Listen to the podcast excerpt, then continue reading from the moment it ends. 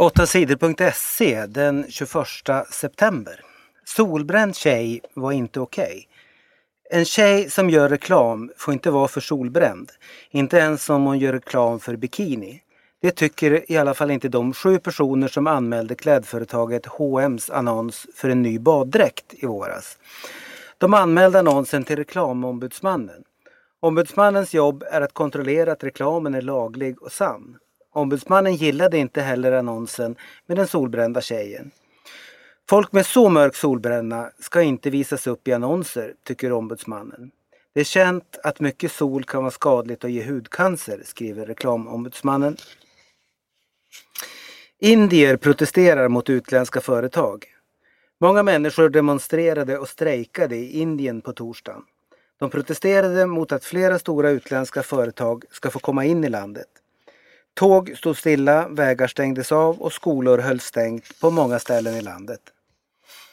Indiens regering föreslog i förra veckan att utländska affärskedjor som Tesco, Walmart och Carrefour ska få öppna affärer i landet. Många indier är oroliga för att många små indiska affärer kan tvingas stänga när de stora kedjorna släpps in.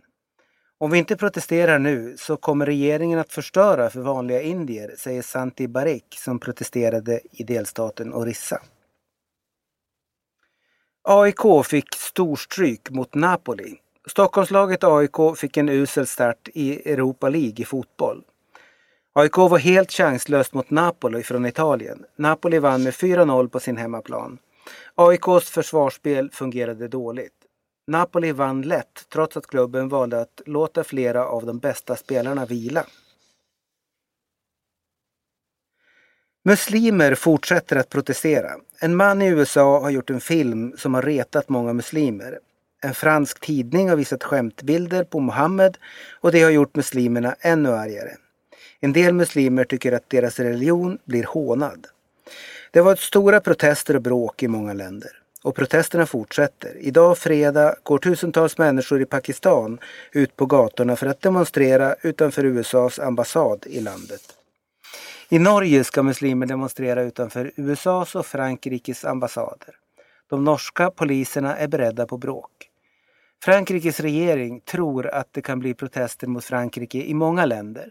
Frankrike har därför stängt ambassader och franska skolor i 20 länder idag fredag. USAs president Barack Obama har gjort reklamfilmer som visas i flera tv-kanaler i Pakistan.